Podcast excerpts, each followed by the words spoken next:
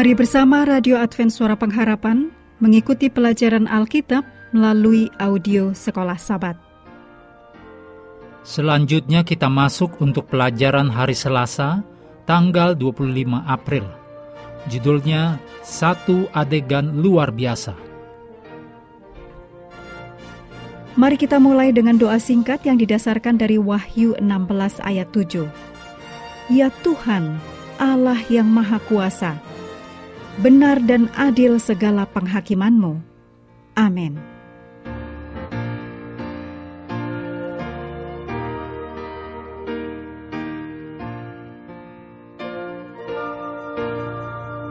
Kitab Nubuat Daniel dan Wahyu adalah dua kitab sejajar yang menunjukkan kepada kita peristiwa-peristiwa yang sedang berlangsung pada hari-hari terakhir sejarah bumi.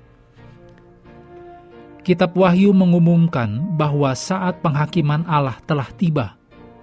Kitab Daniel mengungkapkan kapan penghakiman dimulai.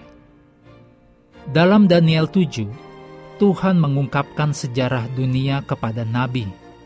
Bangsa-bangsa bangkit dan jatuh. Kekuatan penganiayaan menindas umat Allah.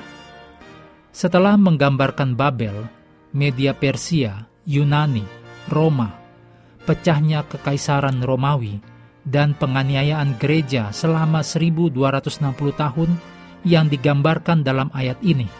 Sebagaimana ditulis dalam Daniel 7 ayat 25, juga dalam Wahyu 12 ayat 14.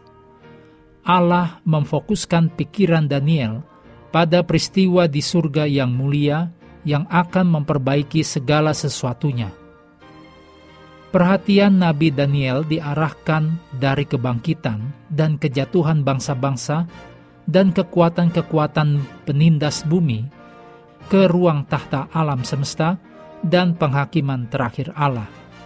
Ketika Allah akan memperbaiki setiap kesalahan dan menegakkan kerajaan kebenarannya yang kekal.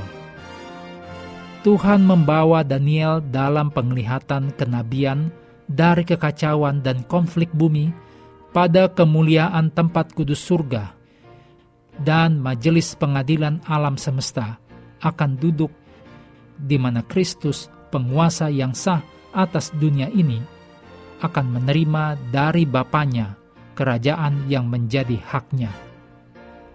Daniel 7 ayat 9, 10, dan 13 menjelaskan Daniel melihat Allah Bapa duduk di tahta. Majelis pengadilan duduk datang anak manusia ke hadapan Allah Bapa. Hasil akhir dari pengadilan ini dituliskan dalam Daniel 7 ayat 14, 26, dan 27, yaitu kekuasaan dan kemuliaan dan kekuasaan sebagai raja diberikan kepada Kristus. Kekuasaan binatang yang menyombong dan menghujat Allah dicabut lalu pemerintahan, kekuasaan, dan kebesaran akan diberikan kepada orang-orang kudus, umat yang maha tinggi. Ini adalah pemerintahan yang kekal. Nasib seluruh umat manusia diputuskan di ruang pengadilan surga. Yang benar menang, kebenaran menang, keadilan memerintah. Ini adalah salah satu pemandangan yang paling menakjubkan, paling luar biasa, paling spektakuler di seluruh kitab suci. Dan kabar baiknya adalah bahwa itu berakhir dengan sangat baik bagi umat Allah yang setia, mereka yang mengenakan kebenaran Kristus. Yesus menghadap Bapa surgawinya di hadapan seluruh alam semesta makhluk surgawi berkumpul di sekitar tahta Allah. Seluruh alam semesta dari makhluk-makhluk yang tidak jatuh berdiri dalam kekaguman pada pemandangan penghakiman ini.